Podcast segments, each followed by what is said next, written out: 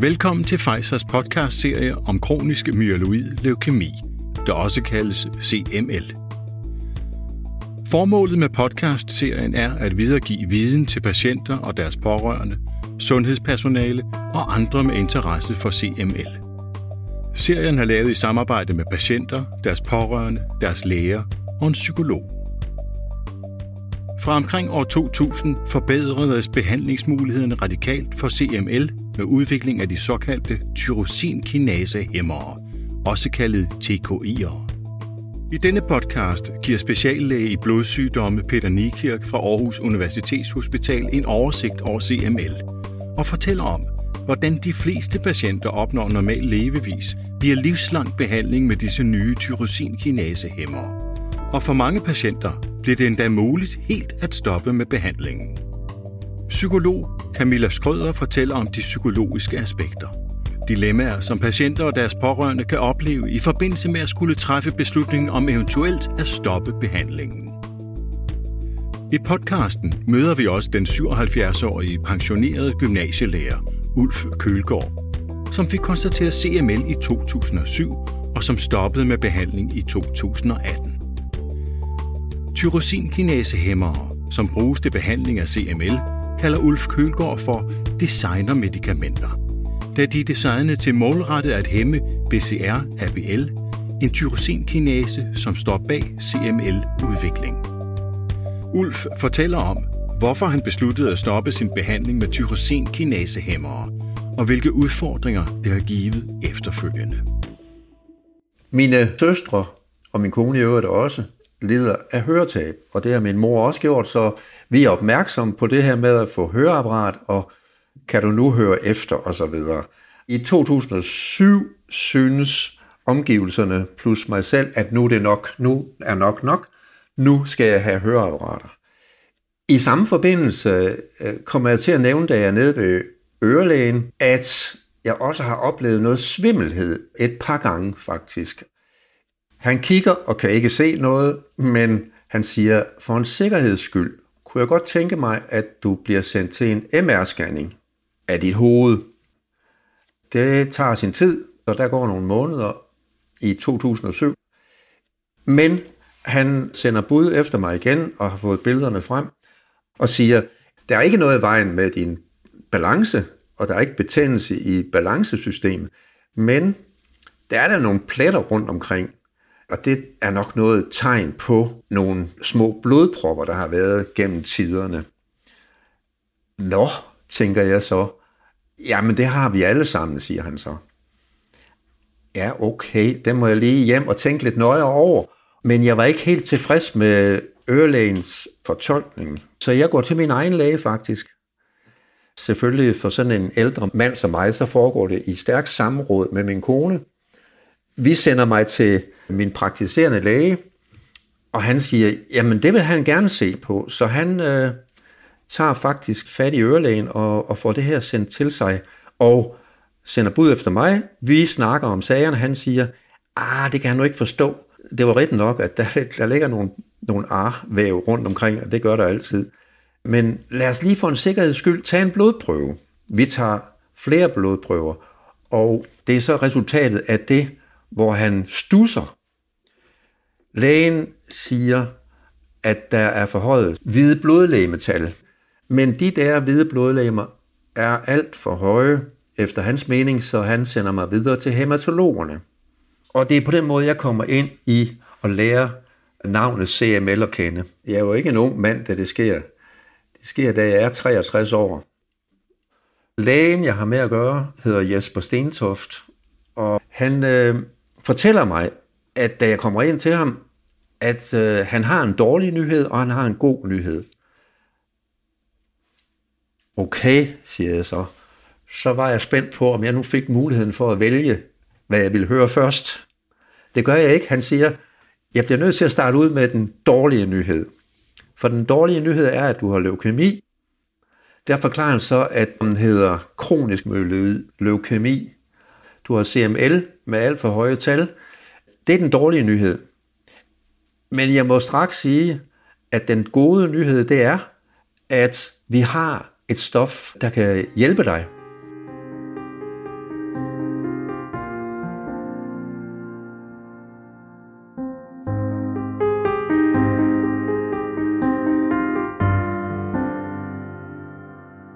De fleste reagerer lige når de får diagnosen med frygt og afmagt og forskrækkelse, og rigtig mange når også at tænke tanken, dør jeg.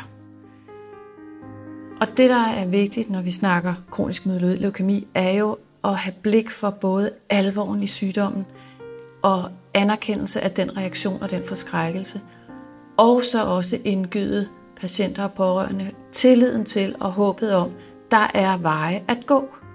For det er meget tit det, man bliver ramt af, lige når diagnosen bliver introduceret, det er oplevelsen af afmagt og oplevelsen af ultimativt kontroltab. Og hvis der er noget, vi mennesker ikke kan lide, så er det uvidshed, og det er kontroltab. Og det er i virkeligheden de to ting, der kommer til at stå allertydeligst foran patienterne i diagnosesituationen.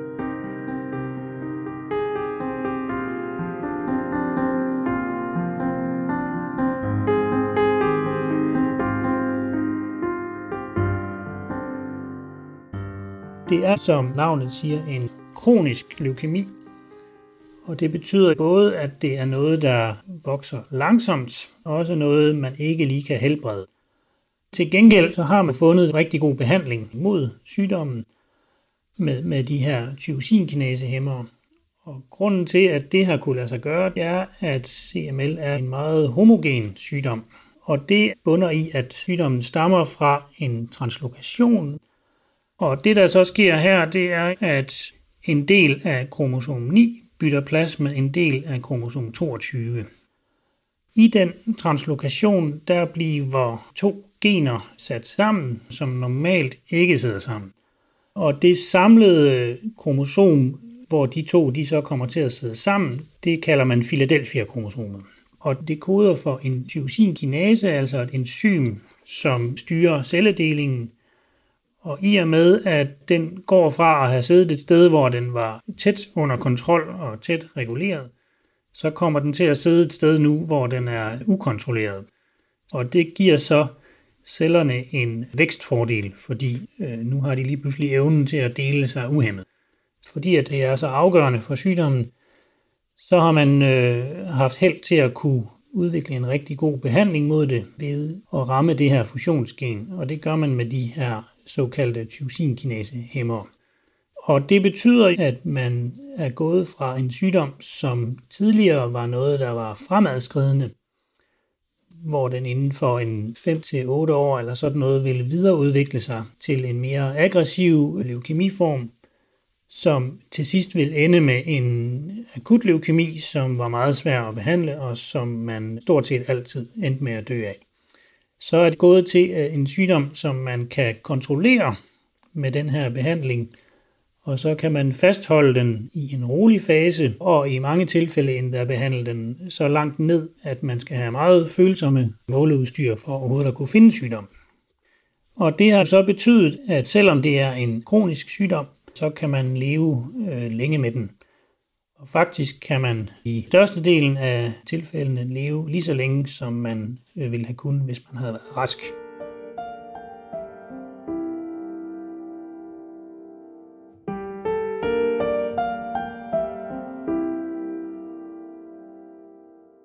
da vi sidder og snakker om det her med kronisk myeloid leukemi, taler vi om, om hvilke muligheder der er for behandling, og der er iblandt det her designer-medicament, som han er fuld af optimisme omkring, og er overbevist om, at, at det skal nok gå. Så jeg går jo derfra med den her fornemmelse af, at det var en barsk besked at få i første omgang, men i anden omgang er der masser af muligheder i det.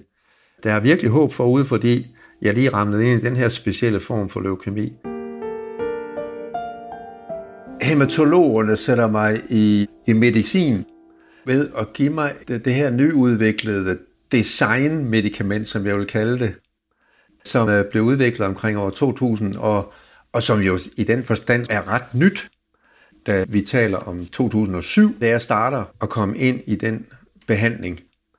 Og det vil jeg så kalde første generations øh, medicamentet, øh, jeg får, som virker ganske strålende. Og det går jeg rundt og tager i et års tid. Så viser nogle af de tal, vi følger jo hele tiden med med test og samtaler hver eller hver anden måned, så viser nogle tal, at der er noget med leveren. Det synes vi er lidt alvorligt, så derfor snakker vi om, at gå ud af medicinen. Og det gør vi, fordi der er andre muligheder, siger min hematolog. Og det er, at der er kommet nogle nye stoffer på markedet siden år 2000. Og derfor kan jeg gå over på et nyt produkt, som har samme virkning og i samme familie, og det kalder vi så anden generations designer medicamentet i min verden. Der er jo så to ting i det. Virker det godt nok, og hvilke bivirkninger har det? Kan jeg tåle det? Og så videre. Det går sådan set fint, så efter et år er jeg over på en ny medicin, og den virker, og alt er sådan set godt. Bortset fra, at jeg i løbet af et halvt års tid til et kvart år begynder at mærke ophobning af væske i kroppen. Og jeg lægger først mærke til det nede i, i benene, i underbenene, og senere hen ved jeg, at jeg får åndenød, når jeg anstrenger mig. Og det tager vi selvfølgelig op igen hos hematologen og snakker om, og hvad gør vi så? Og øh, faktisk er det sådan, efter et år, så vi er fremme i omkring år 2010, der snakker vi om at gå hen til et andet produkt, der også er en anden generations medicament af de her designertyper. Og det er så det, jeg kommer til at tage, som har god virkning og ingen bivirkninger. Og det har jeg faktisk taget frem til år 2018. Og det har virket fortrinligt, fordi jeg har jo hverken før eller siden haft de store symptomer, udover det, jeg har nævnt med bivirkninger, så har jeg jo ikke haft de store symptomer for selve leukemien. Jeg har ikke selv nogen personlig oplevelse af, at jeg har ondt et sted eller, eller besvær med noget med hensyn til den her leukemi. Det er noget meget abstrakt, faktisk.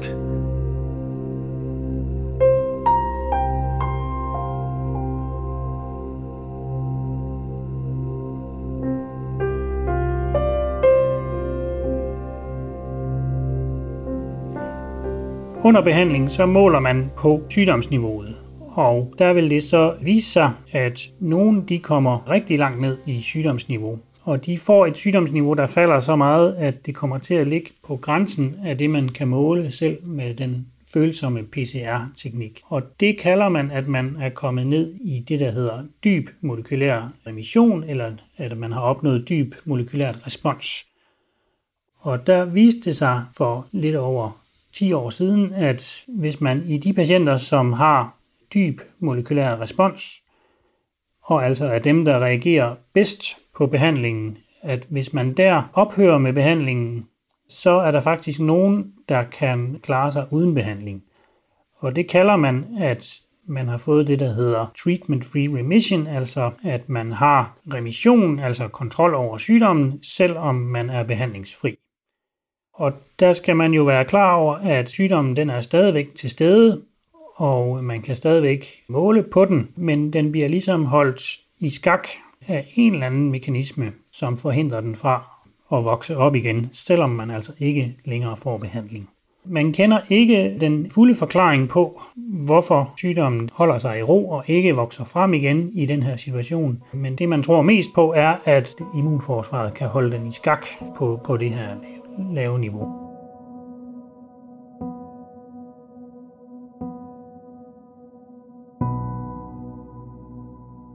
Det er ikke bare sådan, at man siger, at efter en periode, så prøver vi, om det går uden behandling. Der er nogle helt bestemte kriterier, der skal være opfyldt, som lægerne er opmærksom på. Og når vi nærmer os en situation, hvor de kriterier er opfyldt, så begynder man at have overvejelsen, er det nu, vi skal prøve at stoppe behandlingen og lade der gå med sygdommen i kroppen, men uden behandling. Dem, der kan komme i betragtning til at øh, forsøge at ophøre med behandlingen, det er altså dem, der har reageret optimalt på behandlingen, og det vil sige, at man har opnået et dyb molekylært respons, og man skal have været i behandling i mindst 5 år, og det her dybe molekylære respons skal man have holdt fast i igennem i mindst 2-3 år. Derudover så må man ikke have haft en sygdom, som har været ufølsom for en tidligere behandling. Fordi det, at den har vist sig ufølsom for en tidligere behandling, det kan være et signal på, at sygdommen er værre at behandle end øh, de fleste sygdomme. Og hvis man er i den situation, så er man ikke i betragtning til det her stopforsøg, som det er lige nu. Men opfylder man de kriterier der, så kan man komme i betragtning til at stoppe med behandlingen. Og når vi når dertil, så er der nogle patienter, som ryger virvlet tilbage næsten til diagnosetidspunktet igen. Fordi nu opstår der nye dilemmaer, og vi skal huske, at enhver stor forandring, som har sådan eksistentiel eller livsvigtig betydning for os, det kan sende os i ubalance.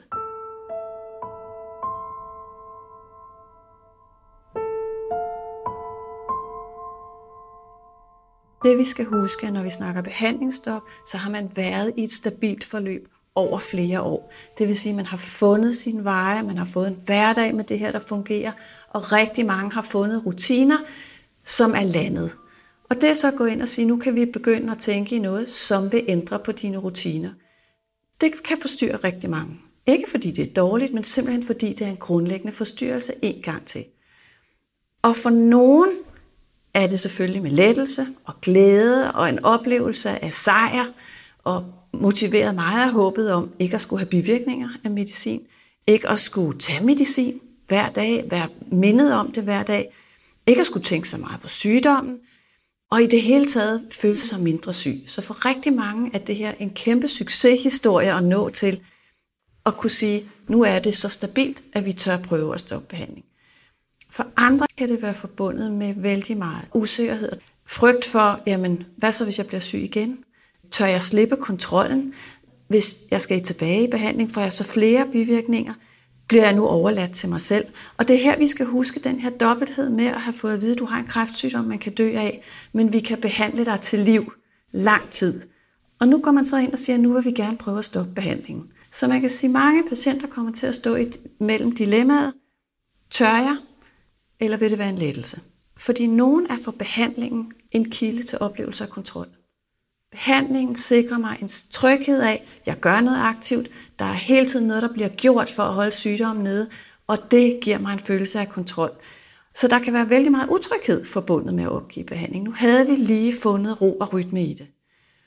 Så er der nogle andre, hvor den faste medicinering er en evig påmindelse om sygdom og en evig påmindelse om sårbarhed og trusler, og for dem vil udsigten til at slippe medicinen være en enorm lettelse.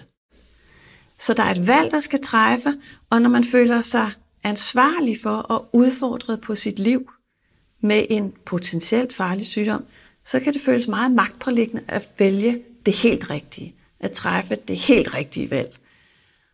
Og det kan være meget svært at sige, når vi står med et dilemma, hvor der er fordele og ulemper måske forbundet for den enkelte, uanset hvad de vælger. Så vi ser både humørsvingninger og frustration og afmagt, og vi ser sejrsfølelser og glæde og begejstring og følelse af, at livet nu for alvor sejrer. Så der er mange reaktioner, mange tanker forbundet med den her nye position af overvejet behandlingsstop.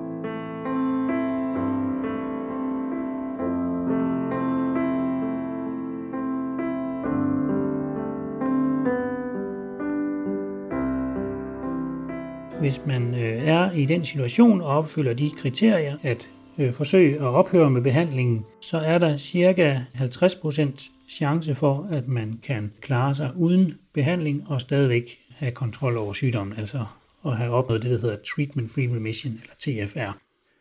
Så kan man jo sige, hvad sker der så med dem, som får tilbagefald af sygdommen, efter at man stopper med behandlingen? Og i de tilfælde, der vil man jo være interesseret i at fange det så hurtigt som muligt. Og derfor så indgår det også i, øh, i programmet, for at hvis man stopper med behandlingen, at så bliver man holdt meget tæt øje med, efter man stopper med behandlingen. Det gør man på den måde, at man kan have taget en blodprøve en gang om måneden det første halve år, og derefter trapper man det så lige så langsomt ud.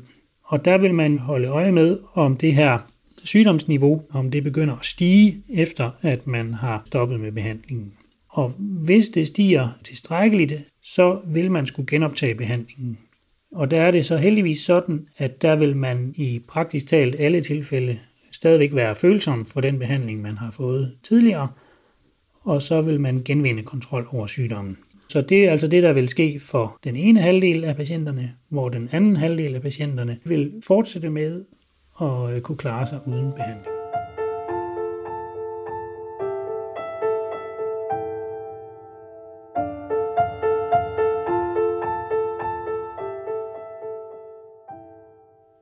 I det længere forløb med det der designer-medikament, som jeg jo var gået over på, der snakkede vi om, at jeg skulle med i et forsøg omkring år 2013-14, og øh, det forsøg handlede om, at man skulle nedtrappe brugen af medicin for leukemien.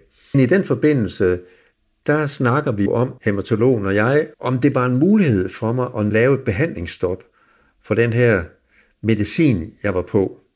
Der var det sådan lidt tvetydigt for mig, fordi jeg gik jo rundt med en hverdag, der fungerede fortrinligt, uden problemer. Jeg havde indarbejdet den måde, jeg skulle tage medicinen på, så generede det mig ikke, og lagde ikke begrænsninger på min livsudfoldelse. Så derfor tænkte jeg, ah, hvorfor skulle jeg dog det? Vil du ikke gerne ud af, af medicinen? Jeg tror endda, det blev formuleret på den måde, at jeg så siger, nej, altså jeg lever jo fint med det. Så hvorfor, hvorfor det? Men lige efter, så tænker jeg jo, selvfølgelig skal man ikke gå rundt og tage medicin, hvis det ikke er nødvendigt. Så derfor var jeg da med på ideen, og den lå så og, og lurede i baghovedet på mig i et, et par år, inden han igen nævner det, og så siger han, det kan da være en idé, men hvad er erfaringerne, I har med andre patienter, tillod jeg mig at, at fremføre, for ligesom at høre, var der nogen, der havde prøvet det før, eller var jeg den første? Skulle jeg være forsøgskanin? Nej, nej, der var nogen, der havde prøvet det før, så det var da en mulighed, og derfor var jeg indstillet på det, og langsomt fandt vi til rette. Hvordan gør man? Man slutter på den måde, at man tager halv dosis i en periode, og hvis det viser sig at gå godt, så fortsætter man med at have nul dosis og ser selvfølgelig efterløbende, om det holder, og vi ikke kan se sygdommen på de prøver, vi tager.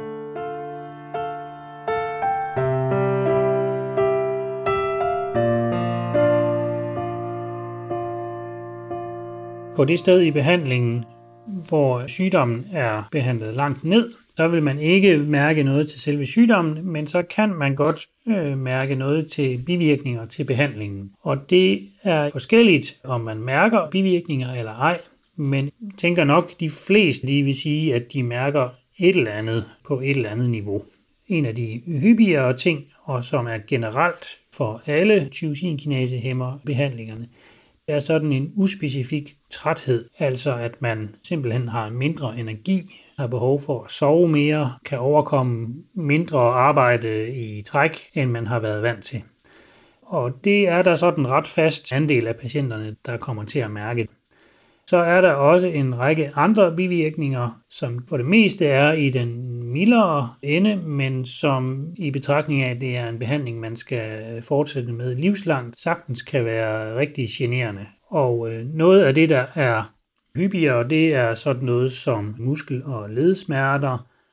Det kan være noget med væskeophobning, og så er der en række bivirkninger, som er mere specifikke for den bestemte tyrosinkinasehæmmer, man er i behandling med. Og der kan man jo sige, generelt er der sådan i statistikken lidt færre bivirkninger hos dem, der er i behandling med første generations tyrosinkinasehæmmere, og dem, man kalder anden eller tredje generations tyrosinkinasehæmmer behandlingerne. Kendetegnet ved, at de virker kraftigere på sygdommen, men at der nok også er lidt flere bivirkninger hos dem. Generelt er der bivirkninger ved alle stofferne, eller i hvert fald mulige bivirkninger, og det vil selvfølgelig være en del af motivationen for, at man er interesseret i at stoppe med behandlingen, fordi af den vej kan man komme af med nogle af de her bivirkninger. Bivirkningerne, der er relateret til behandlingen, vil forsvinde i langt de fleste tilfælde, når man stopper med behandlingen. Men for nogen kan der så faktisk ske det, at man kan opleve det modsatte, nemlig at der tilkommer nogle gener, og det er det, man har kaldt TKI Withdrawal Syndrome, som er en betegnelse for nogle muskelledsmerter, som kan sidde overalt, som man kan få efter man stopper behandlingen, som en form for abstinenssymptomer nærmest. Det var man ikke klar over, da man startede med at stoppe med behandlingen, men øh, det blev man efterhånden klar over, at det var der en fast del af patienterne, der, der kom og fortalte om. Det er noget, der, der kommer til, efter man stopper med behandlingen.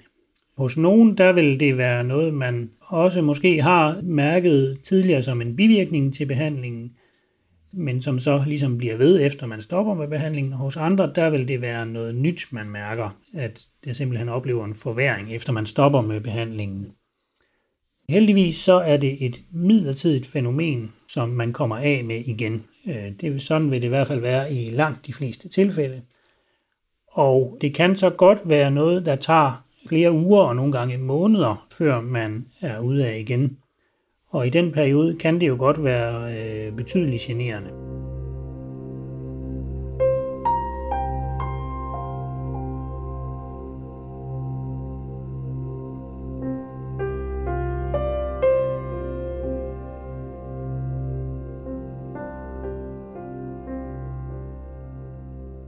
I forløbet med at tage den her anden generations medicin for leukemi, havde det en rigtig god virkning, og det jeg var mest duperet af, men også var glad for, var jo, at der ikke var nogen bivirkninger.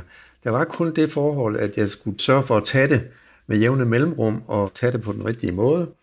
Og bortset fra det, så mærkede jeg jo ingen bivirkninger. Heller ikke dem, der blev nævnt i indekssæden, som man jo altid sætter sig ind i.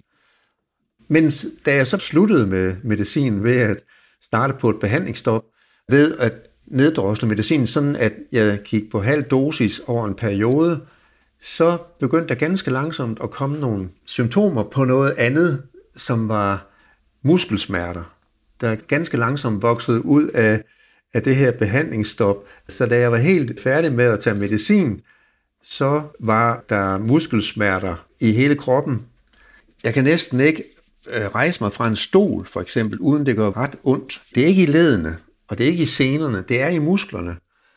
Jeg har svært ved at tage tøj på, på den sædvanlige måde, og jeg kan ikke øh, og, at gå op og ned ad trappen, og jeg har svært ved at sove uden at ligge på bestemte måder. Sidder jeg stille, eller ligger jeg stille i en seng, så gør det ikke så ondt, men det er på den måde, jeg har muskelsmerter. Og øh, de blev værre og værre, og var ret omfattende. Så meget, så jeg til sidst måtte bede om at få en behandling for dem. Her i juni 2021 er jeg jo så kommet ud af behandling for leukemi. Og øh, bortset fra nogle eftervirkninger af det, så har jeg det jo faktisk virkelig godt, som man nu kunne have det. Og jeg vil næsten sige, som om man slet ikke havde været der, denne CML. Jeg har kun nogle få overkommelige gener af at skulle tage lidt binyrbarkhormon og så i øvrigt sørge for, at det ikke medfører, at jeg udvikler noget knogleskørhed. Og det tager jeg lidt for, og på den måde er jeg på en mild form for medicin, som jeg forventer ved hjælp af sund levevis og noget motion at kunne komme ud af i løbet af kort tid, men jeg har det lige nu særdeles godt.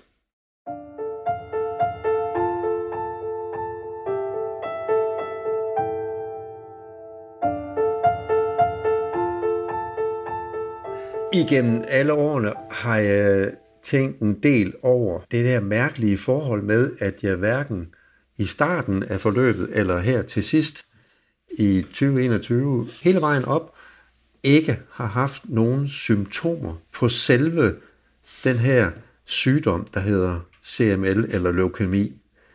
Der har ikke været sådan et eller andet med, jeg kunne pege på og sige, der har jeg ondt, og det er fordi, jeg har den sygdom. Ingen symptomer. Det hele, det kører på, at lægerne fortæller mig, at der er nogle tal, som viser noget, og det skal vi reagere på. Og det øh, synes jeg er på en eller anden måde et udsagn om det moderne samfund. Hvor langt er mennesket egentlig nået i sin udvikling, når de kan gøre det, at manden kunne ikke mærke noget, men vi ved, der er noget i vejen inde i ham. Og det vil udvikle sig. Og så bliver det meget slemt, så lad os skynde os at tage hånd om det, mens det kan behandles. Det er sådan nogle, nogle ting, jeg ligger og tænker på en gang imellem, og tænker, hold da fast, det er vel nok, hvad skal man sige, bundet til sin tid, altså man lever i en tid, hvor sådan noget kan lade sig gøre, så, så, så mærker man virkelig, at man lever i den tid, i den tid, vi har lige nu.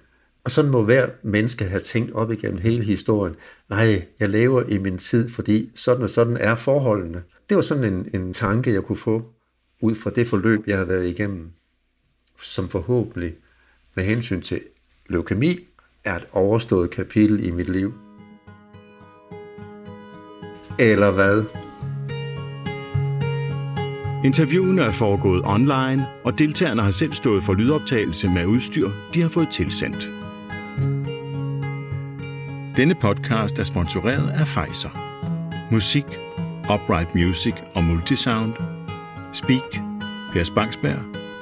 Teknik, Michael Svensson. Tilrettelægger, Niels Peter Hundal Møller. Og podcasten er produceret af People Stories i 2021.